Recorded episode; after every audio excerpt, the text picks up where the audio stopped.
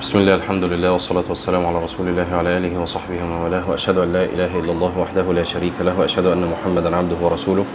اللهم صل على سيدنا محمد النبي وأزواجه أمهات المؤمنين وذريته وآل بيته كما صليت على آل إبراهيم إنك حميد مجيد. يقول الساعة الخامسة الساعة الخامسة والسابعة صباحا. ثمة مشهد لا أمل من التأمل فيه ولا أمل من حكايته لأصحابي وإخواني. وهو ليس مشهدا طريفا بل والله إنه يصيبني بالكمد والبث حين أتذكره. آه، جوهر هذا المشهد هو بكل اختصار المقارنة بين الساعتين الخامسة والسابعة صباحا في مدينتي الرياض التي أعيش فيها. أقارن تفاوت الحالة الشعبية بين هاتين اللحظتين اللتين لا يفصل بينهما إلا زهاء إلا زهاء مئة و... آه، إلا زهاء مئة دقيقة فقط. في الساعة الخامسة صباحا والتي تسبق تقريبا آه، خروج صلاة الفجر عن وقتها تجد طائفة آه، موفقة من الناس توضأت واستقبلت بيوت الله تتهادى بسكينة لأداء صلاة الفجر. إما تسبح وإما تستاك في طريقها ريثما تكبر آه، في بيوت أذن الله أن ترفع ويذكر فيها اسمه. بينما أمم من المسلمين أضعاف هؤلاء ما يزالون في فروشهم. بل وبعض البيوت تجد الأم والأب يصلون ويدعون فتيان المنزل وفتياته في سباتهم. حسنا انتهينا من مشهد الساعات الخامسة. لننتقل الآن لمشهد الساعات السابعة.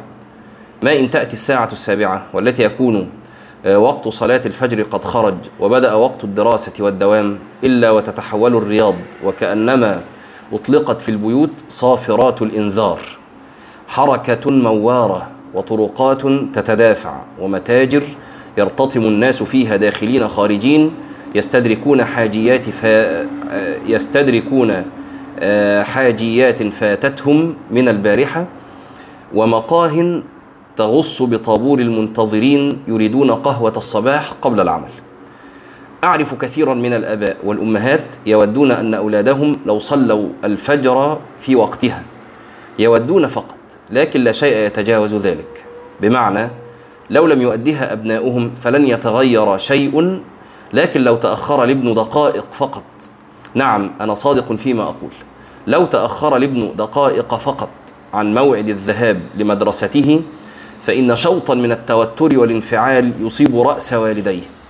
وربما وجد وربما آه وجدت أنفاسهم الثائرة وهم واقفون على فراشه يصرخون فيه بكل ما أوتوا من ألفاظ من الألفاظ الم- ال- المؤثرة لينهض لمدرسته هل هناك عيب أن يهتم الناس بأرزاقهم؟ هل هناك عيب بأن يهتم الناس بحصول أبنائهم على شهادات يتوظفون على أساسها؟ لا طبعا بل هذا شيء محمود ومن العيب أن يبقى الإنسان عالة على غيره لكن هل يمكن أن يكون الدوام والشهادات أعظم في قلب الإنسان من الصلاة؟ لاحظ معي أرجوك أنا لا أتكلم الآن عن صلاة الجماعة والتي هناك خلاف في وجوبها مع أن الراجح هو الوجوب. لا أنا أتكلم عن مسألة لا خلاف فيها عند أمة محمد صلى الله عليه وسلم طيلة خمسة عشر قرنا. لا يوجد عالم واحد من علماء المسلمين يجيز إخراج الصلاة عن وقتها. بل كل علماء المسلمين يعدون إخراج الصلاة عن وقتها من أعظم الكبائر وبعضهم يعدها ناقضا من نواقض الإسلام. بالله عليك. أعد التأمل في حال ذينك الوالدين اللذين يلقيان كلمة عابرة على ولدهم وقت صلاة الفجر. فلان قم صلي الله يهديك. ثم يمضون ببرود لحال شأنهم. لكن حين يأتي وقت المدرسة والدوام تتحول العبارات إلى غضب مزمجر وقلق منفعل لو حصل وتأخر عن مدرسته ودوامه. بل هل تعلم يا أخي الكريم أن أحد الموظفين قال لي مرة إنه منذ عشر سنوات تقريبا لم يصلي الفجر إلا مع وقت الدوام. يقولها بكل استرخاء مطبق على إخراج صلاة الفجر عن وقتها منذ عشر سنوات. وقال لي مرة أحد الشباب إنهم في استراحتهم التي يجتمعون فيها وهم ثلة من الأصدقاء من الموظفين من طبقة متعلمة. قال لي إننا قمنا مرة بمكاشفة. يعني آه، اتصارحوا مع بعض. من فينا الذي يصلي الفجر في وقتها؟ فلم نجد بيننا إلا واحدا من الأصدقاء فقط. وقال لهم إن زوجته كانت تقف وراءه بالمرصاد حتى ينهض ويغادر الباب. هذه هي الزوجة المباركة على زوجها وبيتها. يا الله. هل صارت المدرسة التي هي طريق الشهادة أعظم في قلوبنا من عمود الإسلام؟ هل صار بداية وقت الدوام الذي سيؤثر على نظرة رئيسنا لنا أعظم في نفوسنا من ركن يترتب عليه الخروج من الإسلام؟ هذه المقارنة الأليمة بين الساعة الخامسة والسابعة صباحا هي أكثر صورة محرجة تكشف لنا كيف صارت الدنيا في نفوسنا أعظم من ديننا. بل أنا أزيدكم. إن وقت الدوام لو طلع قرار بكرة إن وقت الدوام يصير من الساعة الخامسة لوجدت ما يحدث في السابعة يحدث في الخامسة. وه- وده شيء فاضح لما في قلوبنا يا جماعة. يعني الدنيا خلاص صارت هي أكبر همنا ومبلغ علمنا. وهذا مم- مما كان يستعيذ منه النبي صلى الله عليه وسلم. ف وانت زي ما قال كده شوف حالك مع ابنك. بلاش مع نفسك مع ابنك. إزاي هتتنطط لو فاتوا ال- المدرسة يوم ولا حاجة؟ لا أنا عاوز أكبر الموضوع شوية لو عنده امتحان. لو عنده امتحان هتقول خلاص ما أنا صحيته. هتقول الكلمة اللي بنقولها كلنا مع الصلوات مع أولادنا خلاص ما أنا صحيته ما صحيش أعمل له إيه يعني؟ وهو عنده امتحان هيفوته. عمرك ما هتقول كده. هتفضل واقف على دماغه وهتروح تجيب مية وترشها عليه وهتجره من رجليه لغاية الباب الحمام و... صح ولا لأ؟ طب ليه صلاة الف... صلاة صلاة واحدة. يا جماعة الصلاة إحنا برضو عندنا مشكلة إن إحنا يعني إيه اكمن الصلاة بتتكرر في اليوم والليلة خمس مرات فخفت في قلوبنا. ولذلك تجد الناس تستعظم تستعظم جدا إن إنسان يفطر يوما في رمضان. لو لقى واحد مفطر ماشي في الشارع كده يستعظموا ده جدا. ولو عرفوا إن واحد ما صلاش الفجر أو واحد ما بيصليش خالص تلاقوه تلاقي الموضوع أخف عندهم. مع إن بالإجماع اللي بيفوت صلاة أعظم جرما وأعظم إثما من اللي بيفطر يوم في رمضان. متخيلين؟ ده بالاجماع يعني ما فيهاش خلاف دي المسألة دي ما فيهاش خلاف. لكن لأن رمضان لا يتكرر كثيرا كالصلاة فلسه محتفظ بهيبته داخل داخل قلوبنا. تعالى كده شوف وقت صلاة الجمعة. عادي خالص إنك شايف ناس راكبة المواصلات وناس ماشية في الشارع وناس يعني هذا المنظر مش بيؤلمك زي منظر واحد مولع سيجارة في نهار رمضان أو واحد ماشي بيشرب مية في نهار رمضان. مش بيؤلمك ولا بي يعني ممكن حتى ما, تن... ما لا تنتبه له أصلا. إن الشارع فيه ناس وال... والمساجد بتصلي في صلاة الجمعة. قال بل وانظر إلى ما هو أعجب من ذلك. محتاجين يا جماعة نظبط موازيننا تبقى الموازين اللي بن... اللي بنزن بيها الأمور موازين شرعية. ما هياش أهواء ولا ولا بالمزاج. قال بل وانظر إلى ما هو أعجب من ذلك. فكثير ممن يخرج صلاة الفجر عن وقتها. إذا تأخر في دوامه بما يؤثر على وضعه المادي يحصل له من الحسرة في قلبه بما يفوق ما يجده من تأنيب الضمير إذا أخرج الصلاة عن وقتها يعني لو فاتته ترقية آه، ولا حاجة زي كده آه، خسر فلوس في الشغل يتعكنن. طب فاته صلاة الفجر. آه، مين من الصحابة أنس أو غيره مش فاكر لما كان في غزو في آه، في غزوة تستر وبعدين انشغلوا بالغزو عن الصلاة. مش انشغلوا يا جماعة ب- ب- بالنوم ولا انشغلوا ب- بال- بالتليفونات وال آه، لا انشغلوا بالغزو. فكان كلما ذكرت تستر بكى أنس. يبكي يقعد يعيط. ليه؟ هم انشغلوا عن عن صلاة الفجر حتى خرج الوقت. ما, ما دريوش بنفسهم. هم في عز الغزو لقوا الشمس طلعت. فكان لما تذكر تستر بعد كده يبكي ويقول وما تستر. فاتتنا صلاة الفجر. يعني يعني وما يعني ده غزو يا جماعة. الجهاد ذروة سنام هذا الدين. شوفوا مو يعني موطن الصلاة في قلوب الصحابة. كلما تذكرت كارثة الساعات الخامسة والسابعة صباحا وأحسست بشغفنا بالدنيا وانهماكنا بها بما يفوق حرصنا على الله ورسوله والدار الآخرة. فاضح يا جماعة الكلام ده كلام فاضح. لما تلاقي نفسك دي حالتك مع نفسك أو مع ابنك أو مع بنتك اعرف إن قلبك فيه مشكلة. وبعدين إحنا إزاي عاوزين نطلع جيل بقى بيعظم الرب سبحانه وتعالى ويعظم شعائر الله؟ لما الابن من وهو صغير خلي بالك ال ال الأفعال بتاعتك دي أبلغ من منك من 100 كلمة. لما ابنك يلاقيك حريص على صلاة الفجر له أكتر من حرصك على أي حاجة تانية؟ يعني هقول لكم حاجة تانية برضو بت- بتزود ده عند في نفوس الأبناء. خلي دايما أول سؤال تسأله لأولادك لو لو يعني آه، كنت بره البيت ودخلت لو كذا آه، بعد ما تسلم وبتاع أول سؤال آه، الصلاة يا جماعة صليت صليت الم... آه، يعني احرص على ده. لو انت وقت صلاة مغرب مثلا لا، صليت المغرب يا فلان صليت المغرب يا فلانة فيعظمون الصلاة. يبقوا عارفين خلاص إن الصلاة دي أول زي ما هو أول ما يسأل عنه المرء يوم القيامة الصلاة فكذلك اجعلها أول ما تسأل أنت عنه. قال وأحسست بشغفنا بالدنيا وانهماكنا بما بها بما يفوق حرصنا على الله ورسوله والدار الآخرة. شعرت وكأن تاليا يتلو علي من بعيد قوله تعالى في سورة التوبة قل إن كان آباؤكم وأبناؤكم وإخوانكم وأزواجكم وعشيرتكم وأموال اقترفتموها وتجارة تخشون كسادها ومساكن ترضونها أحب إليكم من الله ورسوله وجهاد في سبيله فتربصوا حتى يأتي الله بأمره. ماذا بقي من شأن الدنيا؟ لم تشمله هذه الآية العظيمة. هل, بلغ هل بلغنا هذه الحال التي تصفها هذه الآية؟ ألم تصبح الأموال التي نقترفها والتجارة التي نخشى كسادها أعظم في نفوسنا من الله ورسوله والدار الآخرة؟ كيف لم يعد يشوقنا وعد ربنا لنا في سورة النحل؟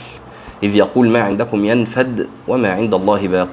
بكل صراحة حين تتذكر شخير الساعة الخامسة فجرا في مقابل هدير السابعة صباحا فأخبرني هل تستطيع أن تمنع ذهنك؟ من أن يتذكر قول الله تعالى بل تؤثرون الحياة الدنيا والآخرة خير وأبقى. حين تقارن بين مشهد الغارقين في فروشهم وقت صلاة الفجر واللاهثين في الطرقات وقت بداية الدوام ألا يهجم عليك قول الله تعالى إن هؤلاء يحبون العاجلة ويذرون وراءهم يوما ثقيلا؟ إذا تأملت هذا الشغف بحطام الدنيا والتفريط في أعظم أمور الآخرة فتذكر نصيحة أهل العلم التي رواها القرآن لنا مثمنا إياها مفخ مفخما لشأنها حين قالوا لقومهم وقال الذين أوتوا العلم ويلكم ثواب الله خير لمن آمن وعمل صالحا. وتأمل وتأمل أولا هذه الآية متى قيلت وفي أي شيء قيلت؟ ده قيلت في أموال قارون. قارون الذي حيزت له الدنيا. ويلكم ثواب الله خير من كل ما أوتي قارون. وتأمل تفريط كثير من الآباء والأمهات في صلاة في صلاة ابنهما. وتأمل تفريط أحد الزوجين في إيقاظ الآخر للصلاة. ثم أعرض هذا المشهد الاجتماعي أمام ثناء الله على نبيه إسماعيل عليه السلام حيث يقول واذكر في الكتاب إسماعيل إنه كان صادق الوعد وكان رسولا نبيا وكان يأمر أهله بالصلاة. يا سلام! يعني هذا شيء شوفوا يا جماعة طبعا هذا شيء محمود لكن فكرة إنه هذا شيء يذكر في القرآن يعني هو إسماعيل يا جماعة هو ده العمل اللي عمله الوحيد يعني. أنتوا فاهمين عاوز أقول إيه؟ يعني إسماعيل عليه السلام نبي ده إسماعيل ابن إبراهيم كمان. أكيد يعني حياته كلها بذل وتضحية فربنا أراد أن يمدحه في القرآن بصفة. فيقوم يذكر أنهي صفة؟ وكان يأمر أهله بالصلاة. يا سلام. والزكاة وكان عند ربه مرضية. تأمل كيف يمدح الله إسماعيل بكونه يأمر أهله بالصلاة. وقارن ذلك بالسلبية المتزايدة هذه الأيام بين أهل يسكنون بيتا واحدا لا يأمر المصلي فيه من لا يصلي. وتأمل كيف ينقل الله لنا كيف يأمر لقمان بنه بالصلاة؟ يا بني أقم الصلاة. بل إن الله أمر نبيه محمدا صلى الله عليه وسلم أن يأمر أهله بالصلاة وأمر أهلك بالصلاة واصطبر عليها. ضم هذه النظائر إلى بعضها آه، مدح الله لإسماعيل عليه السلام بأمره بأمره أهله بالصلاة وأمر لقمان لابنه بالصلاة وأمر الله لنبيه محمد صلى الله عليه وسلم بأن يأمر أهله بالصلاة. ثم تذكر هذه اللامبالاة المتبا- المتبادلة التي صارت تغزو بيوتنا للأسف. قال لي مرة أحد من أصابتهم شعب التغريب؟ يعني آه، يعني إيه انماه في حضارة الغرب وفي آه، آه، أسلوب معيشة الغرب. قال المشايخ يمارسون التهويل في تصوير الخلل الديني في مجتمعنا. ولو ركزوا على الكبائر لعلموا أن أمورنا الدينية جيدة. والمشكلة عندنا في دنيا المسلمين فقط. والحقيقة أنني كلما وضعت عبارة هذا المسكين على على كفة ووضعت الساعتين الخامسة والسابعة صباحا على كفة طاشت السجلات وصارت عبارته من أتفه الدعاوى. فين بقى انت بيقول إيه؟ مفيش يعني الكبائر مفيش حد بيعمل كبائر.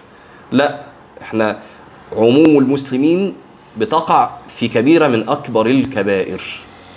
وهذا هو موقعها في الدين يا جماعة عشان بس ما, ما لا نلطف هذا موقعها في الدين. أنا كنت عملت مرة فيديو قصير اللي هو الفيديوهات اللي مدتها دقيقة دي وقلت إن دي من أكبر الكبائر. وكم التعليقات اللي جات لي على التيك توك إنه أنت بتقول إيه ده ما فيش حاجة اسمها كده. الناس مش يعني واتكلمت عن صلاة الفجر بالذات إن إخراج عن وقتها يعني بطلوع الشمس. فالناس معظم المسلمين وإحنا بسيبك من الفيديو والتعليقات إحنا نفسنا ما إحنا عايشين في المجتمع وشايفين. فلو أنا قلت هذه الجملة هل أنا مجازف ان عموم المسلمين بيقعوا في كبيرة من أكبر الكبائر؟ لا لست مجازفا. دي حقيقة الوضع اللي إحنا فيه. بل للأسف حتى هذا في بيوت المتدينين. إذا ما كانش ال- الراجل المتدين نفسه ولا المرأة المتدينة نفسها فابنه كده بنته كده مراته كده أو جوزها كده وهو لا يبالي. قوم يا فلان ما قامش شكرا. المقارنة بين مشهدي الساعات الخامسة والسابعة صباحا هي من أهم المفاتيح لمن يريد أن يعرف منزلة الدنيا في قلوبنا مقارنة بدين الله. لا أتحدث عن لحية ولا معازف برغم أنها مسائل مهمة. وإنما أتحدث الآن عن رأس شعائر الإسلام إنها الصلاة التي قبضت روح رسول الله صلى الله عليه وسلم وهو يوصي بها أمته ويكرر الصلاة الصلاة. وكان ذلك آخر كلام رسول الله صلى الله عليه وسلم كما يقول الصحابي راوي الحديث. آخر كلمة قالها الصلاة الصلاة وما ملكت أيمانكم. وآخر ضحكة ضحكها النبي عليه الصلاة والسلام لما رأى جموع المسلمين تصلي جماعة خلف أبي بكر دي آخر ضحكة أثرت عنه صلى الله عليه وسلم. كان في مرض موته وشعر يعني إيه بخفة فقام ورفع الستر ونظر. فإذا بالمسلمين يصلون صلاة الجماعة خلف أبي بكر فابتسم صلى الله عليه وسلم. آخر ابتسامة أثرت عنه كانت للصلاة وآخر كلمة أثرت عنه الصلاة الصلاة. بل هي بل هل تدري والصلاة العبادة الوحيدة التي آه، شرعت مباشرة من الله لنبيه بغير واسطة وشرعت في أجواء من القدسية عجيبة. الصلاة فرضت في السماء في في أجواء قدسية عجيبة جدا. يعني أنت تخيل المشاهد العلوية دي في م- يعني حاجة حاجة رعب يا جماعة. بل هل تدري ما هو أطم وأبشع من ذلك كله؟ أن كثيرا من أهل الأهواء الفكرية يرون أن الحديث عن الصلاة هو شأن الوعاظ والدراويش والبسطاء. أما المرتبة الرفيعة عندهم فهي ما يسمونه السجال الفكري والحراك الفكري وحقيقة الأمر أن كثيرا منها ترهات أن كثيرا منها ترهات آراء يتداولونها في مقاهي الفراغ أو صوالين الإنشاء. يس- يسمون الشبهات وتحريف النصوص الشرعية والتطاول على أئمة أهل السنة حراكا فكريا يا ضيعة الأعمار. الصلاة التي عظمها الله في كتابه وذكرها في بضعة وتسعين موضعا تصبح شيئا هامشيا ثانويا في كثير من الخطابات النهضوية التن- والتنموية والإصلاحية.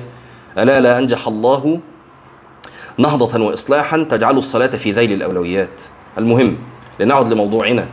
فمن أراد أن يعرف منزلة الدنيا في القلوب مقارنة بدين الله فلا عليه أن يقرأ النظريات والكتابات والأطروحات بل عليه فقط أن يقارن بين الساعتين الخامسة والسابعة صباحا. وسيفهم بالضبط كيف صارت الدنيا أعظم في نفوسنا من الله جل جلاله. وتأمل يا أخي يا أخي الكريم قوله تعالى فخلف من بعدهم خلف أضاعوا الصلاة واتبعوا الشهوات فسوف يلقون غيا. بل تأمل في العقوبة التي ذكرها جماهير فقهاء المسلمين لمن أخرج الصلاة عن وقتها حيث حيث يصور هذا المذهب الإمام ابن تيمية كما جاء في فتاواه يرحمه الله سئل شيخ الإسلام ابن تيمية عن أقوام يؤخرون صلاة الليل إلى النهار لأشغال لهم من زرع أو حرث أو آه، آه، جنابة مثلا أو آه، أو خدمة أستاذ أو غير ذلك فهل يجوز لهم ذلك؟ فأجاب لا يجوز لأحد أن يؤخر صلاة النهار إلى الليل ولا يؤخر صلاة الليل إلى النهار لشغل من الأشغال لا, لحصد ولا لحرث ولا لصناعة ولا لجنابة ولا لخدمة أستاذ ولا غير ذلك. ومن أخرها لصناعة أو صيد أو خدمة أستاذ أو غير ذلك حتى تغيب الشمس وجبت عقوبته. بل يجب قتله عند جمهور العلماء آه، بعد أن يستتاب. فإن تاب والتزم أن يصلي في الوقت ألزم بذلك وإن قال لا أصلي إلا بعد غروب الشمس لاشتغاله بالصناعة والصيد أو غير ذلك فإنه يقتل. هل لازال عندك من يقول إن مشكل إن مشكلتنا هي أننا عظمنا الدين وأهملنا دنيا المسلمين؟ بل هل قائل بل هل قائل هذا الكلام جاد؟ وأي دين بعد عمود الإسلام؟ حين تجد شخصا من المنتسبين للطوائف الفكرية المعاصرة يقول لك مشكلة المسلمين في دنياهم لا في دينهم. فقل له فقط قارن بين الساعة الخامسة والسابعة صباحا وستعرف الحقيقة. يقول السجود بين السهام. آه طيب آه نقرأ شوية في في التوهم. يقول الحارث المحاسبي فتوهم نفسك وأنت تمر خفيفا مع الوجل. فتوهم ممرك على قدر خفة أوزارك وثقلها. فتوهم نفسك وقد انتهيت إلى آخره آخر الصراط. فغلب على قلبك النجاة وعلى عليك آه وعلى عليك آه آه الشفق مثلا أو حاجة كده. وقد عاينت نعيم الجنان وأنت على الصراط. فحق قلبك على جوار الله عز وجل فخفق مثلا فخفق قلبك على جوار الله عز وجل واشتاق إلى رضا الله حتى إذا صرت إلى آخره خطوت بأحد رجليك إلى العرصة التي بين آخر الجسر وبين باب الجنة فوضعتها على العرصة التي بعد الصراط. توهموا يا جماعة هذا المشهد. الصراط بدقته وحدته والناس بتقع. وبعدين أنت رجلك بقى بتحطها على العرصة. يعني وكأنك خلاص يعني آه استشعرت يعني إيه آه النجاة. وبقيت القدم الأخرى على الصراط والخوف والرجاء قد اعتليا في قلبك وغلب عليك. ثم ثنيت بالأخرى فجزت الصراط كله واستقرت قدماك على تلك العرصة. وزلت عن الجسر ببدنك وخلفته وراء ظهرك وجهنم تضطرب من تحت من يمر عليها وتثب على من زل عنه مغتاظة تزفر عليه وتشهق إليه. ثم التفت إلى الجسر فنظرت إليه باضطرابه ونظرت إلى الخلائق من فوقه وإلى جهنم. من تحت من تحت من تحته تثب وتزفر على الذين زلزلوا عن الصراط. لها في رؤوسهم وأنحائهم قصيف. فطار قلبك فرحا إذ رأيت عظيم ما نجاك الله منه. فحمدت الله وازددت له شكرا إذ نجوت بضعفك من النار وخلفت النار وجسرها من وراء ظهرك متوجها إلى جوار ربك. ثم خطوت آمنا إلى باب الجنة. قد امتلأ قلبك سرورا وفرحا. فلا تزال في ممرك بالفرح والسرور حتى توافي أبوابها. فإذا وافيت بابها استقبلك بحسنه. فنظرت إلى حسنه ونوره وحسن صورة الجنة وجدرانها.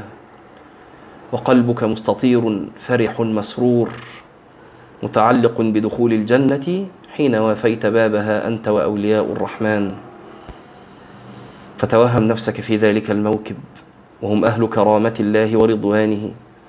مبيضة وجوههم شرقة برضا الله. مسرورون فرحون مستبشرون. وقد وافيت باب الجنة بغبار قبرك. وحر المقام ووهج تعب ما مر بك. فنظرت إلى العين التي أعدها الله لأوليائه وإلى حسن مائها. فانغمست فيها مسرورا بما وجدت من برد مائها وطيبه فوجدت له بردا وطيبا فذهب عنك بحزن المقام أو بحزن المقام وطهرك من كل دنس وغبار وأنت مسرور لما وجدت من طيب مائها لما باشرته وقد أفلت من وهج الصراط وحره لأنه قد يوافي بابها من أحرقت النار بعض جسده بلحف بلفحها وقد بلغت منه. فما ظنك وقد انفلت من حر المقام ووهج أنفاس الخلائق ومن شدة توهج حر الصراط فوافيت باب الجنة بذلك. فلما نظرت إلى العين قذفت بنفسك فيها. يا جماعة لما نقول عين يعني يعني توهموا كده أجمل منظر ما شفته شفته في الدنيا. وطبعا اللي في الآخرة ما في لا مقارنة أصلا. بل عشان ت... بس إحنا بنقول ده عشان تحاول تقرب ال... يعني لما نقول مية فأنت شوف كده أجمل مشهد شفته في حياتك في صورة لمية وتمنيت إنك لو كنت في المكان ده و... واسرح فيه كده شوية. وبعدين بقى تخيل إن اللي فوق ده اللي أنت شفته ده لعب عيال. اللي في الدنيا ده ولا حاجة ولا حاجة. فلما نظرت إلى العين قذفت بنفسك فيها. يعني فكرة إن باب الجنة بيتفتح كده وأول بقى فتحه لباب الجنة وبعدين النبي بيقول عن الجنة فيها ما لا عين رأت ولا أذن سمعت ولا خطر على قلب بشر. فأنت متخيل أول لقطة بتشوفها لحاجات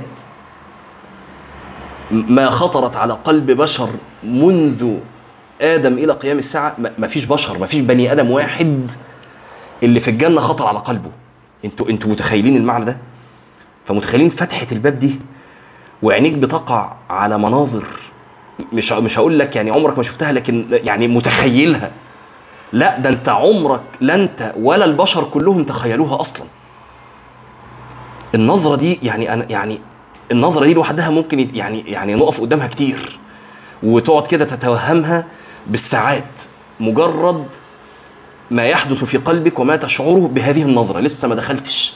الباب بيتفتح وانت يعني إيه بتشب كده بت بتمد راسك كده من فتحة الباب تبص إيه اللي جوه. إيه الجنة دي فيها إيه يعني يعني يعني إيه مستعجل قبل ما تخش؟ حتى بس ما أول ما لقيت ضرفه الباب بتتفتح فبتبص. بس النظرة دي لوحدها لو لو توهمتها لطار قلبك. قال فلما نظرت إلى العين قذفت بنفسك فيها. فتوهم فرحة فؤادك لما باشر برد مائها بدنك بعد حر الصراط ووهج القيامة وأنت فرح لمعرفتك أنك إنما تغتسل لتتطهر لدخول الجنة والخلود فيها. فأنت تغتسل منها دائبا ولونك متغير حسنا وجسدك يزداد نضرة وبهجة ونعيمة. ثم تخرج منها في أحسن الصور وأتم النور. فتوهم فرح قلبك حين خرجت منها. فنظرت إلى كمال جمالك ونضارة وجهك وحسنه. وأنت عالم موقن بأنك تتنظف للدخول إلى جوار ربك. يا الله. ثم تقصد إلى العين الأخرى فتتناول من بعض آنيتها. فتوهم نظرك إلى حسن الإناء وإلى حسن الشراب. وأنت مسرور بمعرفتك أنك إنما تشرب هذا الشراب لتطهر جوفك من كل غل وجسدك ناعم وجسدك ناعم أبدا حتى إذا وضعت الإناء على فيك. ثم شربته وجدت طعم شراب لم تذق مثله ولم تعود شربه ف فيسلس من فيك إلى جوفك فطار قلبك سرورا لما وجدت من لذته. طعم بقى عمرك ما دقته في الدنيا. ثم نقى جوفك من كل آفة فوجدت لذة طهارة صدرك من كل طبع كان فيه ينازعه إلى الغموم والهموم والحرص والشدة والغضب والغل ونزعنا ما في صدورهم من إيه؟ من غل فيا برد طهارة صدرك ويا روح ذلك على فؤادك حتى إذا استكمل حتى إذا استكملت طهارة القلب والبدن واستكمل أحباء الله ذلك معك والله مطلع يراك ويراهم أمر مولاك الجواد المتحنن خزان الجنة من الملائكة الذين لم يزالوا مطيعين خائفين منه مشفقين وجلين من عقابه إعظاما له وإجلالا وهيبة وهيبة له وحذرا من من نقمه أمرهم أن يفتحوا باب جنته لأوليائه. فانحدروا من دارها.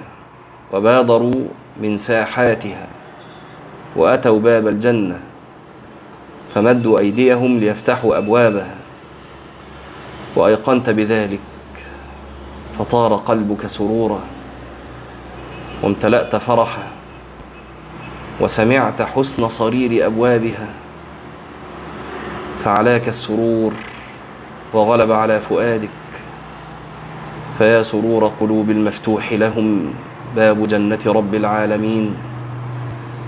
فلما فتح لهم بابها هاج نسيم طيب الجنان وطيب جري مائها فنفح وجهك وجميع بدنك. عارفين يا جماعة لما داخلين مكان كده أنتوا في حر بره والباب يتفتح لمكان فيه تكييف انت لسه ما دخلتش؟ فتوهم بقى ما يكون من الجنان. إذا فتحت أبوابها وأنت بعد في هذا الموطن في العرصة ما يهيج من نسيم من نسيم وطيب وهتشم روائح ما شممت مثلها قط. وستجد نسيما ما وجدت قبله مثله قط. وسارت أرايح الجنة العبقة الطيبة وهاج ريح مسكها الأذفر وزعفرانها المونع وكافور وكافورها الأصفر وعنبرها الأشهب وأرياح طيب ثمارها وأشجارها وما فيها من نسيمها. يعني تخيل بقى كل هذه الروائح مختلطة في فم في في أنفك. فتداخلت تلك الأرايح في مشامك حتى وصلت إلى دماغك وصار طيبها في قلبك وفاض من جميع جوارحك. ونظرت بعينك إلى حسن قصورها وتأسيس بنيانها من طرائق الجندل الأخضر. يعني نقف هنا على قوله ونظرت. أقول قولي هذا وأستغفر الله العظيم لي ولكم. سبحانك اللهم وبحمدك. أشهد أن لا إله إلا أنت. نستغفرك ونتوب إليك.